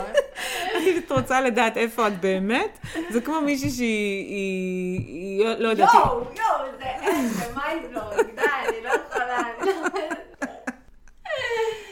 וואי. אבל יש דברים שאת יודעת על עצמך. שתגידו לך, את לא, לא קוראים לך אלינה, ואת מה, תתחילי להגיב כמו מישהי שלא קיבלה את מה שהיא זימנה עד עכשיו? לא, את לא, את לא תגידי, מה, אחרי כל העבודה שעשיתי, לא קוראים לי אלינה? הם לא יודעים איך קוראים לי? לא, את יודעת איך קוראים לך. כן. אז זה, זה נראה כמו במצבים של טראומה. אבל המשפט שאמרת, שמה? שהחיים אומרים, חמודה, את לא איפה שאת באמת. זה כן. משפט... אה, כן, לא איפה שאת חושבת שאת. איפה שאת חושבת שאת. זה, זה. משפט להתעכב עליו. אה, מאוד. בתחושה שלי. מאוד. אני אגיד לך משהו, זה למשל מה שקורה בטיפול. כי אנשים באים לטיפול ואומרים, אני מאוד מודעת. כן. למה הם מודעים? לסיפור שהם מספרים לעצמם. על עצמם ועל החיים. אני כן. מאוד מודעת. וכמובן שבתוך ה- ה- הסיפור הזה הוא בלופ סגור. יש לי סיפור, תמיד בסיפור שלנו, שאנחנו מודעים אליו, אנחנו הגיבורים. אז אם קרה משהו ונפגעתי, אז עשו לי.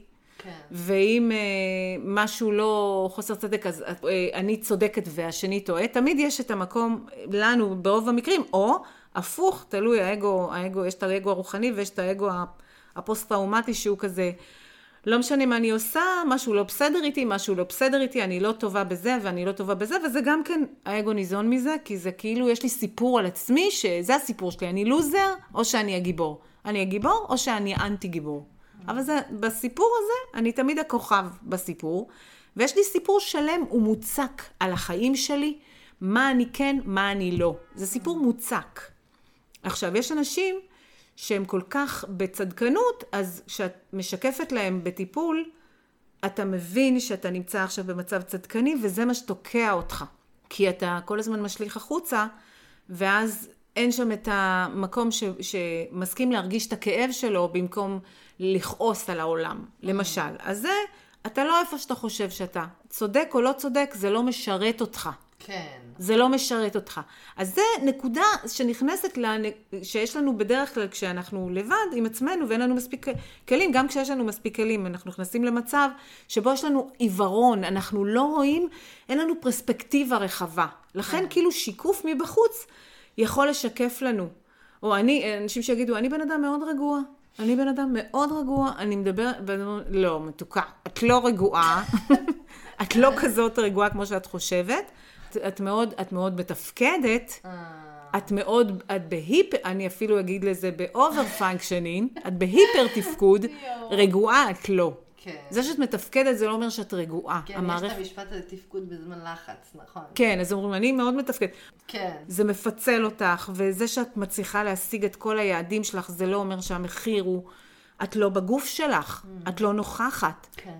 אה, יש המון סיפור, סיפורים של אני חושבת שאני נמצאת בנקודה הזאת, ואני בעצם לא. למשל, הייתה לי שיחה לא מזמן עם, עם אה, מישהי, היא אמרה לי, כן, אני רוצה לעשות את השינוי הזה, ואני רוצה לעשות את השינוי הזה, ואני אעשה אותו, ואני אעשה אותו, וכל פעם זה כזה לא מצליחה וכועסת על עצמה. Mm. ואז אמרתי, אוקיי, למה את לא רוצה את זה?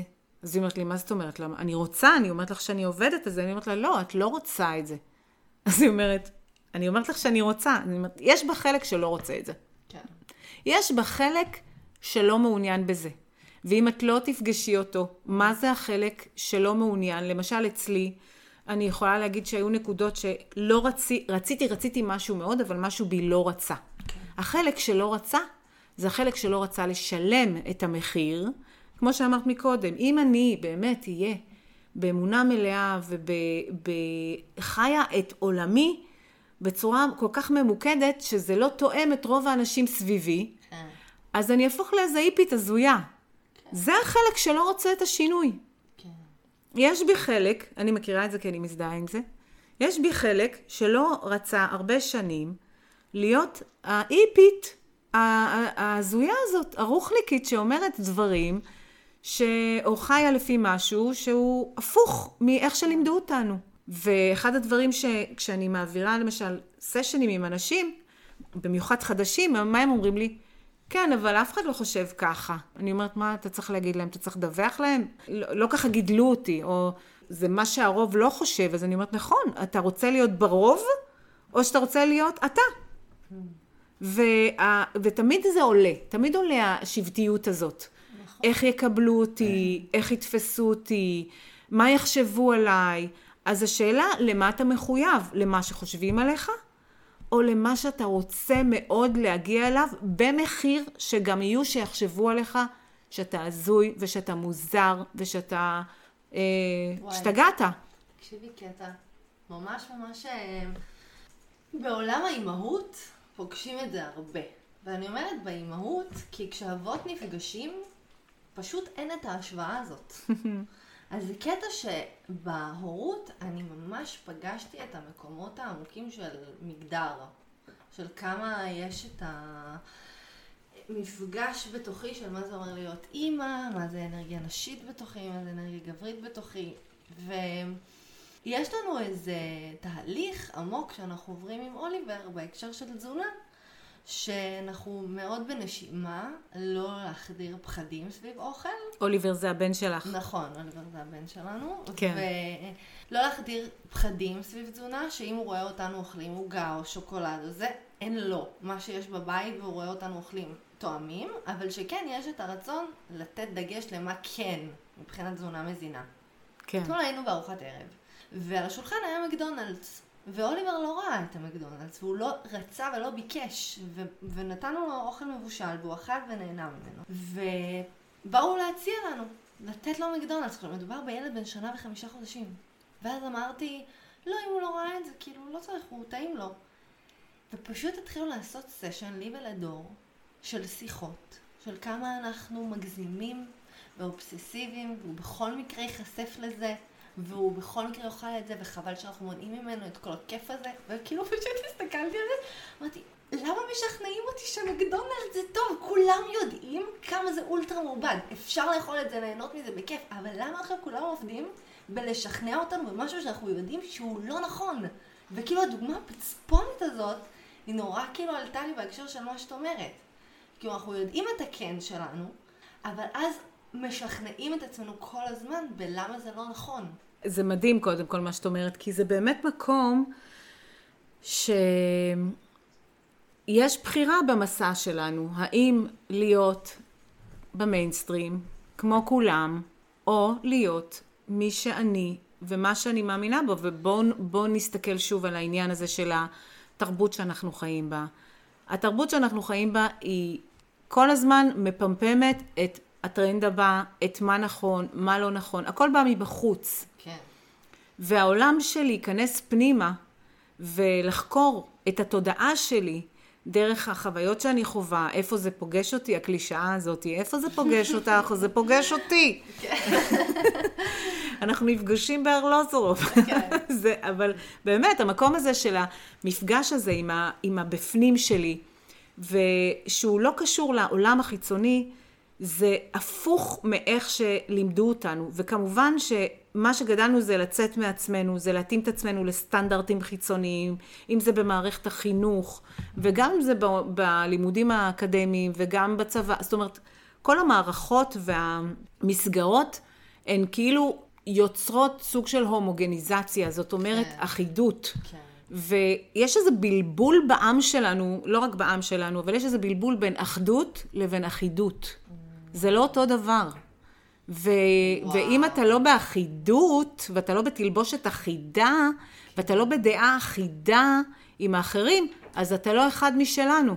אתה לא ביחד איתנו. אין פה אחדות, אתה מפר כביכול את האחדות. יש פה בלבול מאוד משמעותי בין אחידות לאחדות. כן. ואנחנו צריכים לזכור שזה בסדר שאנחנו לא מסכימים, וזה בסדר שאנחנו לא רואים את הדברים אותו דבר. אפשר להישאר ביחד בלי להסכים. אפשר להישאר קרובים, חברים, אוהבים, אה, משפחה, אה, חברה, שכנים, בלי להסכים על אותם דברים.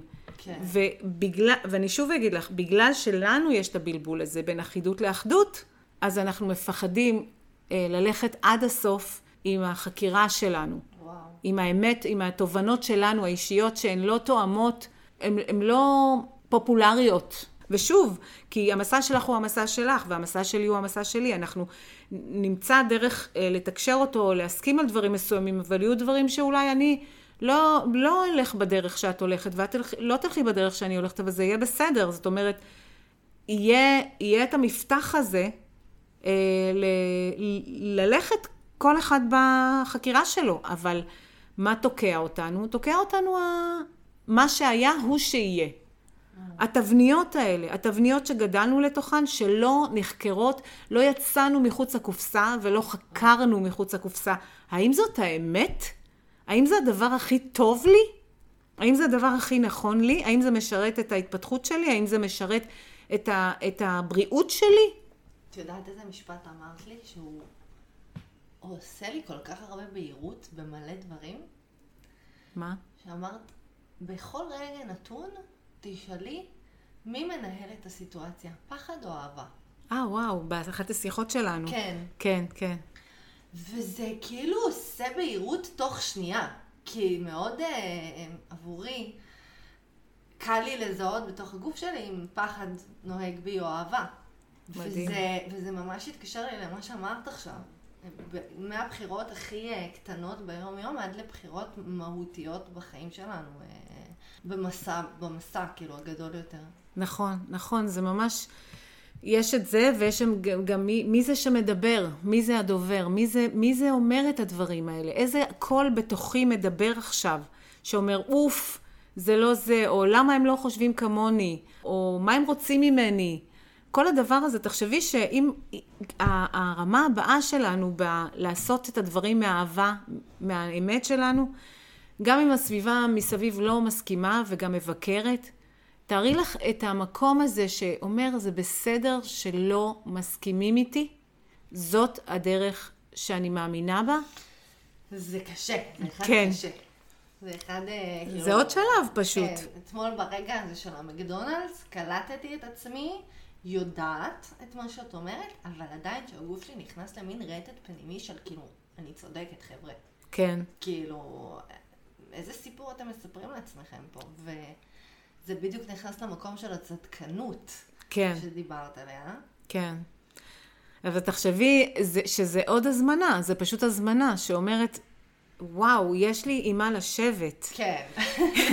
יש לי עם מה לשבת, יש לי חומרים לשבת, הגוף שלי רוטט עכשיו, הכל יואו. תוסס בפנים. וכמה פעמים אנחנו מרגישים, אני, אני תמיד מעדיפה שיהיה לי עם מה לשבת מאשר להיות מנותקת. כן. אם יש משהו שאני לא סובלת בחוויה האנושית שלי, זה שאני מנותקת. אין, כן. לי, אין לי שום חיבור לשום דבר. כאילו, אני לא בגוף שלי, המוח שלי קודח, אני עוצמת עיניים, מה את מרגישה? כלום. כן, איפה? כלום, כלום, אין לי נקודת אחיזה. כן. והרבה פעמים, אה, דווקא הכאב והטריגרים הם אלה שהם כמו שער לתוך הנפש שלנו, אבל על ספידים, על סטרואידים. כן. הסטרואידים, אנחנו, כאילו, תוך שנייה, את יודעת, "אה, אני שורף לי כל הגוף עכשיו מרוב עצבים. כן. שזה ממש מתחבר לתחילת השיחה שלנו היום. כן, של כאילו איך זאת דווקא הזדמנות ודווקא זה מילה מעצבנת נורא בתהליכים, אבל איך זאת דווקא מתנה. נכון, אני באמת שאומרים לך את זה בשיא העצבים. אני, אני, מקל, אני מקלילה את זה קצת, שאני אומרת, זה מתנה, אמנם זה עטוף רע, וזה זה עטוף בסגנון עזה שיק, אבל לא, אסור להגיד, את יודעת, תמיד, היית, תמיד הייתי אומרת עזה שיק, אבל עכשיו זה אסור להגיד, אז אני צריכה למצוא מילה אחרת. כן. סתם, זה משהו שהייתי אומרת, זה כאילו מתנה עטופה לא טוב, לא כן. כיף, איכסה. אבל בסופו של דבר נכון, זה מתנה, וכאילו, אני עשיתי על זה גם פרק, פרק 33, שדיברתי שם על אה, טריגרים, על ה, איך לעבוד עם טריגרים, וזה באמת אותו דבר, זה, אם, שוב, אנחנו חוזרות לתחילת השיחה, אין דבר כזה, הגעתי, כן. אני מוארת, אני מטופלת, אני מוארת, אני גמורה ומוגמרת. אין דבר כזה, אנחנו לא תוצר מוגמר, אנחנו בהתהוות. נכון. שזה מצחיק ש... כשאני לא מתבוננת על זה מהחלקים המופעלים שבי, אני בחיים שלי לא אמשך לבן אדם, מטפל, מורה, מישהו שמעביר סדנה, ש... שכל התדר שלו אומר, אני עילוי. אני כאילו הגעתי, הגעתי, כמו שאת אומרת. זה כן. ממש אה, עובר אליי כ... כמסכה, כמשהו מנותק, אבל כשאני מופעלת, אני תמיד אה, יותר קל לפקפק בעצמי, שזה מקומות אה, למחוק. אה, ו- ו- וכאילו להעיף, אה, שאין להם מקום בתוך... אין להם מקום, כן. בתוך, גם בטח שבאמת הבחירה של החיים שלי זה להיות אה, מטפלת, ובאמת שהתכנים האלה זה ה... זה התשוקה התשוקה שלך. שלי. זה, זה העניין, לעשות את מה ש... התשוקה שלך, זה, אני חושבת שזה יותר משמעותי מכל דבר אחר. כן, כי התשוקה שלך זה, זה, זה לעזור, זה להאיר, זה להאיר באלף את, את, את הדרך החשוכה הזאת בסמטאות האלה. זה מקומות ש, שקשה להיכנס אליהם בהתחלה לבד, וקשה לפגוש אותם. נכון. ופתאום מישהו אומר, בוא, אני אלך איתך למסע הזה, בוא, בוא נלך לשם ביחד, בוא נגלה ביחד מקומות אה, חשוכים, מפחידים, לא נעימים. אה, אני, ברור שאני אעדיף שמי שילווה אותי זה מישהו שלא למד את זה בהתכתבות, או עשה איזה תואר אה, אה, תיאורטי לגמרי באקדמיה, אלא חווה את זה בעצמו. כן. ומכיר את המסע הזה, ומכיר גם את ההתנגדויות, ומכיר את החלקים הצדקניים והאגואיים, ומכיר מכיר את זה אצל עצמו. וואו. כי אם אני לא מכירה את זה אצל עצמי, אני לא יכולה לזהות את זה אצל אחרים, ואם אני אזהה את זה אצל אחרים בלי לדעת שגם בי יש את זה, אז כן. הם יחוו את זה כמו התנשאות. ביקורת. כמו ביקורת, כמו התנסות, ו- ושוב, זה לא שלא חווים את זה כהתנסות, כי זה, נו, זה, זה נורא קשה כן. ללכת למקום שהמילה טיפול היא, היא, היא משקרת. כן. המילה טיפול מבטיחה הבטחת שווא, שמישהו יטפל בך. כי זה קצת גם אה, מתקשר לעולם הרפואה. כן. שאתה מגיע לרופא, היום, כמו שאנחנו מכירים אותו, כן, והוא נותן לך פתרון בזק. נכון. שמעלים את התסמינים, ואז יש אשליה שהגיע הפתרון. כן, ושיש החלמה, שיש כן. ריפוי. כן. וכן, אפשר להציע כדורים, כאילו, מי שרוצה, אבל אה, לא אצלנו. אבל, אה, אבל, אה, אבל העניין, המילה טיפול היא באמת טריקית, ואני לא הצלחתי להיפטר ממנה, למרות שהייתי מאוד שמחה להיפטר ממנה ולמצוא לה תחליף.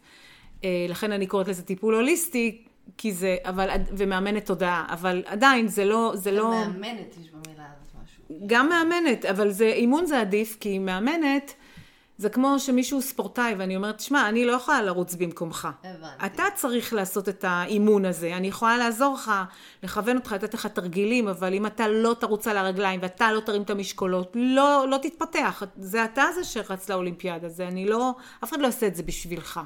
אז המקום טיפול, הוא נושא איתו איזושהי אשליה, שמישהו יפתור לי את זה.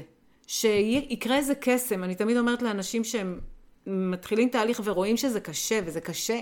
נכון. לפגוש את הכאבים שלנו ואת הפחדים שלנו ולשהות בהם ולהרגיש אותם עד הסוף ולא להעלים אותם. אז uh, הרבה פעמים אומרים, מה, אני, אני, הנה, אני באה לטיפול, אבל זה נורא קשה לי, כאילו, אז אני אומרת, תשמעו, אני לא קוסמת. אני לא קוסמת. בסופו של דבר, מה שאני יכולה לעזור זה לתת כלים שהמילה טיפול זה שאתם תטפלו בעצמכם, כן. שאתם תובילו את הדרך. כי כל עוד אתה נשען על בן אדם אחר או על משהו חיצוני לך, שיפתור לך את הבעיה, אתה לא מחלים. ונחזור לעניין הזה של אם אני תולה את השלווה שלי ותחושת הביטחון שלי והאמון שלי בחיים במצב חיצוני, כמו כמה כסף יש לי, איזה אוטו יש לי, איזה, לא משנה, מה יש לי בחוץ, כן. זה מה שנותן לי את השלווה. אני כבר פועלת לפי המתכונת הידועה מראש של המטריקס, שכאילו החוץ מכתיב אותי.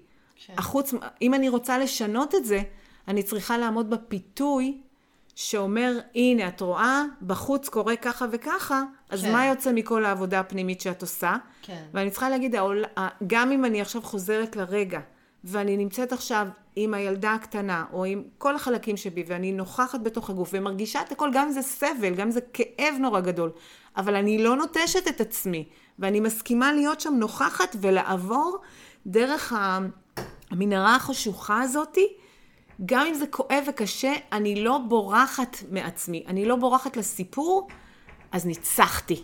כן. וברגע שאני אומרת, בואי נא, איזה אלופה אני לא ברחתי, התמודדתי, הרגשתי, I can do it, אני יכולה, זה נותן לי, זה בדיוק מה שמתחיל אה, ל- להוריד מה, מהחוץ את הכוח ששמתי שם, ולהחזיר את הכוח אליי.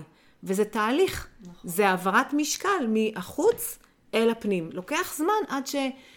אני, אם הייתי קודם נאמר 30 אחוז הכוח אצלי, 70 אחוז בחוץ, החוץ מכתיב לי, אחרי זה 50, 50, זה עדיין מתנדנד, אחרי זה אני אומרת 55 אחוז אצלי. כן. זה עדיין מטלטל אותי בחוץ, 45 אחוז עדיין יש להם כוח, כן. אבל אני לא מתפרקת מזה. וזה המקום שבו, לשם מובילים אותנו. ודווקא תמיד היקום יוביל אותנו דרך המקומות שהכי מפחידים אותנו. וואליה. כן. אז אם יש לי פחד כלכלי, וזה האישו של החיים שלי, משם אני אצמח. כן. את גם אה, מנפצת פה מיתוס מאוד אה, גדול אה, בעיניי, שנוגע בנקודה שגם בתוך תהליכי לידה, כמו שהם מתרחשים היום בעולם המערבי, ששמים את כל הכוח אצל רופא גבר, ומאמינים שהוא יודע יותר טוב מאיתנו על הגוף שלנו כנשים, ברפואה, שמאמינים שרופא יודע יותר טוב מאיתנו על הגוף שלנו, וגם הרבה פעמים בתהליכים מאמינים שהמטפל או הפסיכולוג או הפסיכולוגית, איך שמגדירים את זה, יודעים יותר טוב מאיתנו מה אנחנו צריכים עבורנו. מה אנחנו מרגישים. מה אנחנו מרגישים, וכאילו איך באמת, במרכאות, לפתור את זה. כן. וזה זה, זה, זה ממש... זה, זה שורש. אני כן. מרגישה שכשבאמת מבינים את זה לעומק, את מה שאת אומרת, זה מאפשר אה, איזושהי אה, כניסה פנימה אל תוך הגוף שהיא יכולה לטלטל, אבל להגיד, בואנה, באמת הכל אצלי, כאילו באמת אני, באמת יש לי את הכוח לזה. כן. העולם הוא בתוכי. כן. זה באמת נכון. כל אחד חי בקומי משל עצמו. כי גם אפשר להעביר שנים בתוך uh, טיפול ועדיין לשחזר את התפקידים של הילד שמחפש את ההורה שיתמוך בו. נכון. כאילו. נכון, אבל אחד הדברים שקשים מאוד מאוד לאנשים, שאני מחזירה אותם אה, לעצמם או לכוח האלוהי שבתוכם, הם לא רוצים את זה. הם רוצים שאני אעשה את זה, כן. שאני אגלם את ההורה הזה. זה, זה, זה לא כולם, כן? אבל זה קשה לאנשים, הם מרגישים את זה כמו, כמו שאני זרקתי אותם למים בלי גלגל, או שאני לא רוצה לעזור להם, או שאני לא רוצה... אז כן. תביני שזה tricky, בגלל שיש לנו את המקום הזה, שזה, זה מה שמצחיק, זה מזכיר לי כמו זוגות, שהיא אומרת, הוא מתנהג כמו ילד, הוא מתנהג כמו ילד. ואז אני אומרת, תפסיקי להתנהג כמו אימא שלו. וואי. כאילו, יש שניים שמחזיקים בדינמיקה הזאת. כן. זה לא הולך אה, רק, אה, אני רוצה את הכוח שלי, אני רוצה להרגיש, אני רוצה את הכוח שלי, אבל תטפלי בי כשאין לי כוח. כן. כשאני לא, כשאני, כשאני לא רוצה לקחת אחריות. אני רוצה, זה כמו ילד שהוא עושה תהליך של התבגרות, והרבה פעמים נפשית אנחנו תקועים בשלבים האלה, שכמו בגיל התבגרות שאתה רוצה שיתייחסו אליך כמבוגר, ויתייחסו לדעה שלך ברצינות, ושיפסיקו להגיד לך מה לעשות, ויפסיקו להתערב לך בכל דבר. אבל אתה לא מוכן לקחת אחריות על החלקים שבהם אומרים, אתה יודע, זה החלק שבו כבן אדם בוגר, אתה אמור, לא במקומות האלה שלא נוח לך, אתה רוצה זכויות של מבוגר, אבל לא רוצה אחריות של מבוגר, זה לא עובד. אתה רוצה זכויות של מבוגר, של בן אדם שיש לו סמכות פנימית, אתה צריך גם להתעסק עם האחריות ש, של מבוגר אחראי, כן. של סמכות פנימית של מבוגר אחראי. כן. ואז יש את המקום הזה שאנחנו עדיין נעים בין ה... אה, די, שוברים את הכלים ולא משחקים, לא רוצים, כן. רוצים שיפתרו לנו את הבעיות. כן. אבל תחשבי מה זה, מה זה לעשות את כל העבודה כמבוגרת. כן. את מקבלת תוצאות לא כמו שתכננת, ואז מה קורה לנו? אנחנו נסוגים לגיל שלוש. זה, ואני חושבת, המשפט הזה מסכם את הפודקאסט. כי זה כאילו הפלונטר שמגיעים אליו, ופה נכנס ה... המקום של האמון והאמונה שאמרת, שהוא כן. עבורי פתח איזה המשך של השביל ששם השביל שלי כאילו כן. נתקע, ופתאום כן. פתח לי עוד קצת... אה, כן, הילדה פתאום, בום, משתלטת על הסיטואציה, וזה בסדר. כן. ואז שואלים, מי, מי זה, מי פה מדבר? מי על ההגה? כן. מי עם המיקרופון? מי זה שאומר את הדברים האלה? ואם אני אומרת, אוקיי, אוקיי, אני במצב ילדי, נס, זה נקרא רגרסיה. כן. נסוגתי לגיל שלוש. והילדה בת שלוש, שוברים את הכלים ולא משחקים. לא כן. מוכנה יותר, זה לא פייר, זה לא פייר, זה לא פייר. ואז המקום הזה של להרגיע את הילדה, להרפות, להסכים להרגיש את כל הכאב, לתת תוקף לרגשות שלה, לשבת איתה בכאב שלה, להרגיש, להרגיש, להרגיש הכל, ואז להתחיל עוד פעם דף חדש, להגיד הכל בסדר, זה לא סוף ה... זה לא הסופי, זה לא התשובה הסופית, נמשיך בדרך. כן. יש כאילו crisis, זה בסדר. כן. אבל לא, ה crisis לא מכתיב את המסע. זה לא crisis, די, לא ממשיכים. אין, זה לא הכיוון. זאת אומרת, יש crisis, ממשיכים. וזה זה מסע. אני לא יכולה להגיד לך שאני אה, במאסטריות של זה. לפעמים אני כן, ואני יודעת לזהות מתי אני כן, ולפעמים אני לא. והעבודה היא לזהות גם ב delay, גם גם מה- אחר כך. וגם מה שאת אומרת, שאמרת מקודם על המושגים השונים של התודעה, כן. אז פה גם מה שאמרת על הילדה מאוד מתקשר לי לתכנים של פוסט-טראומה, שהרבה פעמים ברגעים האלה המוח מגיב כאילו הוא עובר את הטראומה שוב מחדש, ובכלל לא בצורה פרופורציונלית למצב, ואז דווקא להרגיש זה בדיוק הריפוי של הטראומה, כי בטראומה היינו מתנתקים מהגוף, ודווקא להרגיש את זה, זה כאילו להחזיר את תחושת הקיום של הכאן ועכשיו, ואני בהווה, וזה לא מתרחש שוב. נכון מאוד, נכון מאוד, מדויק מאוד, בדיוק. זה ממש להסכים לעבור, וזה קשה וזה כואב, אבל זה הריפוי. יש לנו איזו תפיסה שריפוי לא אמור לכאוב. נכון. וש, ושאנחנו בטוב, אז אה, לא אמור להיות לנו יותר אתגרים. אני אמורה... נכון. חוסן זה לא חיסון. אין לי חסינות כן. מפני היותי בת אנוש. כן. שעובר את המסע הזה ומרגישה את הרגשות. הרגשות זה חלק מהחיים, והכאב זה חלק מהחיים. השאלה מה אני עושה איתו, כן. ואיך אני מתמודדת איתו. ואני אסכם עוד פעם בקרל יונג, היקר, יא, איך אני אוהבת שיש להכל אה, טקסיות. זה מדהים, היקר, היקר יונג, קרל יונג היקר, שאמר, ה- אני אעשה פרפרזה, השורש של כל הנוירוזות וההפרעות והדיכאונות והשריטות של המין האנושי, נובע מזה שחוסר קבלת הכאב כחלק מהחיים. אוי, בדיוק קראתי את המשפט הזה בספר שהשאלתי ממך. אה, באמת? זה כתוב שם? כן, הוא ציטט אותו. וואו, לפעמים אני לא זוכרת מאיפה אני שומעת דברים. כן. אה, איזה, זה, השיבה אל השיבה אל הילדות. הילדות. כן, ג'ון. ציטט אותו שם. וואי, הוא מדהים, ג'ון ברדשו. אז אה, זהו, וואו, אלינוש, איך הזמן טס, והיה לי? כיף. רגע, כיף ומרתק. תודה רבה שבאת, ואת מוזמנת תמיד לבוא ולפתוח איתי סשנים כאלה. זה, אני חושבת שהרבה אנשים התחברו. וממש תודה שבאת, ואיזה כיף, והיה לי ממש כיף לדבר איתך, וכמו תמיד. ומאזינות ומאזינים יקרים, אה, אם אתם שומעים את זה ומתחברים ומתחברות, אפשר גם אה, לכתוב לאלינה, אה, מה זה שלך באינסטגרם? אלינה לוי פרי. ככה. אלינה לוי פרי, אפשר למצוא אותה באינסטגרם, כן. וגם אותי, אסנתיקה באינסטגרם. אני פחות פעילה בפייסבוק, סורי, למי שכותב לי בפייסבוק, אני ממש כאילו, אני פחות לא, ופחות. די, גם בפייסבוק אפשר להיפרד ממנו לאט לאט. לא כן, אין לי כוח פשוט, אני, אני, אני, לא, אני לא חיה של מדיה חברתית, אני משתדלת להיות בעניינים, אבל לא מאוד. אז uh, תודה רבה לכם שהאזנתם, אני מקווה שיהיו לנו עוד מפגשים כאלה בקרוב, ושנמשיך uh, uh, לתת מענה לעוד שאלות. ואוסנטיקה, אני אה, מרגישה שאני אביע פה קולות של הרבה נשים שפגשתי לאחרונה, וגם ממני בצורה עמוקה מהלב שלי, תודה ענקית על מי שאת ועל התכנים שלך ועל הלב שלך. תודה ואני אוהבת רבה. אותך, ואת תודה. יודעת כמה אני אוהבת אותך, אבל גם אה. רצית לסיים את הפודקאסט בלי התודה אלייך. ראיתי את הסיום הזה. אני רגילה, אני לבד בדרך כלל. כן. תודה רבה, אהובה, אני אוהבת אותך, ותודה שהגעת, ותודה שנתת את האפשרות הזאתי.